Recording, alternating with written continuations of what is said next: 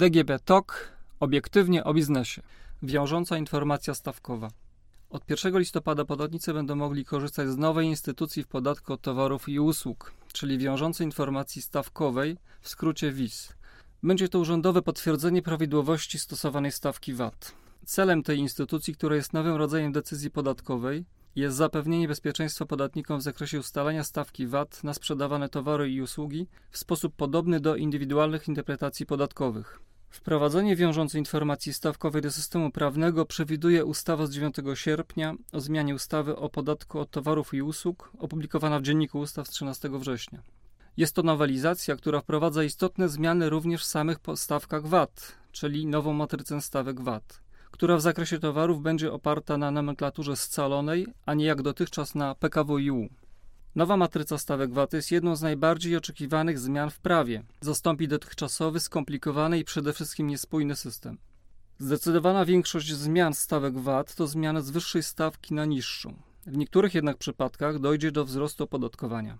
Wracając do wiążącej informacji stawkowej, nowej instytucji poświęcony został cały osobny rozdział w ustawie o VAT. Decyzje wydane na podstawie WIS będą służyły przede wszystkim do ustalenia stawki VAT właściwej dla danego towaru lub usługi. Organ podatkowy, czyli dyrektor Krajowej Informacji Skarbowej, wydając WIS, obowiązany będzie do odpowiedniego sklasyfikowania towaru lub usługi. Zgodnie z nowymi regulacjami od czasu obowiązywania WIS, czyli od 1 listopada, w zakresie objętym WIS nie będą już wydawane interpretacje indywidualne. Oznacza to, że podatnik, który będzie chciał uzyskać informacje na temat właściwej stawki dla towaru lub usługi, będzie musiał wystąpić o wydanie WIS. Na treść WIS składać się będą trzy elementy. Pierwszy element to opis towaru lub usługi będących przedmiotem decyzji. Poza informacjami wynikającymi z wniosku, w opisie będą mogły znajdować się także informacje pochodzące z przeprowadzonych przez organ podatkowy badań i analiz.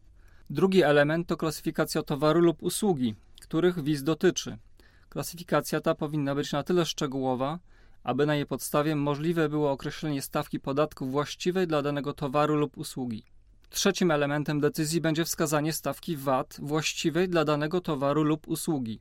O wydanie wiz podatnicy mogą wnioskować już od 1 listopada, jednakże ta nowa instytucja jest powiązana z przepisami ustawy dotyczącymi stawek VAT, które będą stosowane dopiero od 1 kwietnia 2020 roku. Wynika z nich, że do wiz wydawanych przed 1 kwietnia 2020 roku stosuje się przepisy ustawy w brzmieniu obowiązującym od 1 listopada 2019 roku. Wyjątek od tej zasady dotyczy książek, czasopism, dzienników i gazet, gdyż w tym zakresie nowe stawki VAT będą stosowane już od 1 listopada.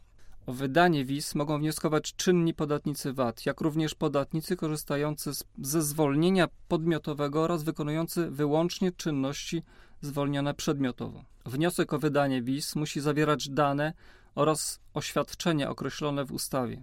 Wniosek, którego wzór zostanie określony w drodze rozporządzenia, podatnik może złożyć w formie papierowej lub elektronicznie przez ePUAP.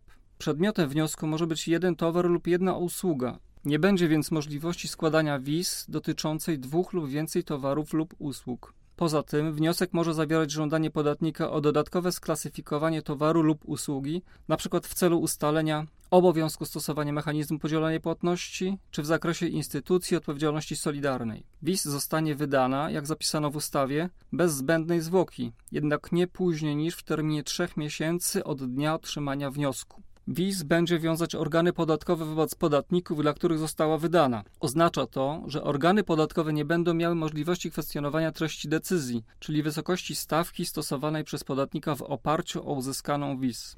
Podatnik korzysta tutaj z ochrony analogicznej do przysługującej podmiotom, które korzystają z interpretacji indywidualnej.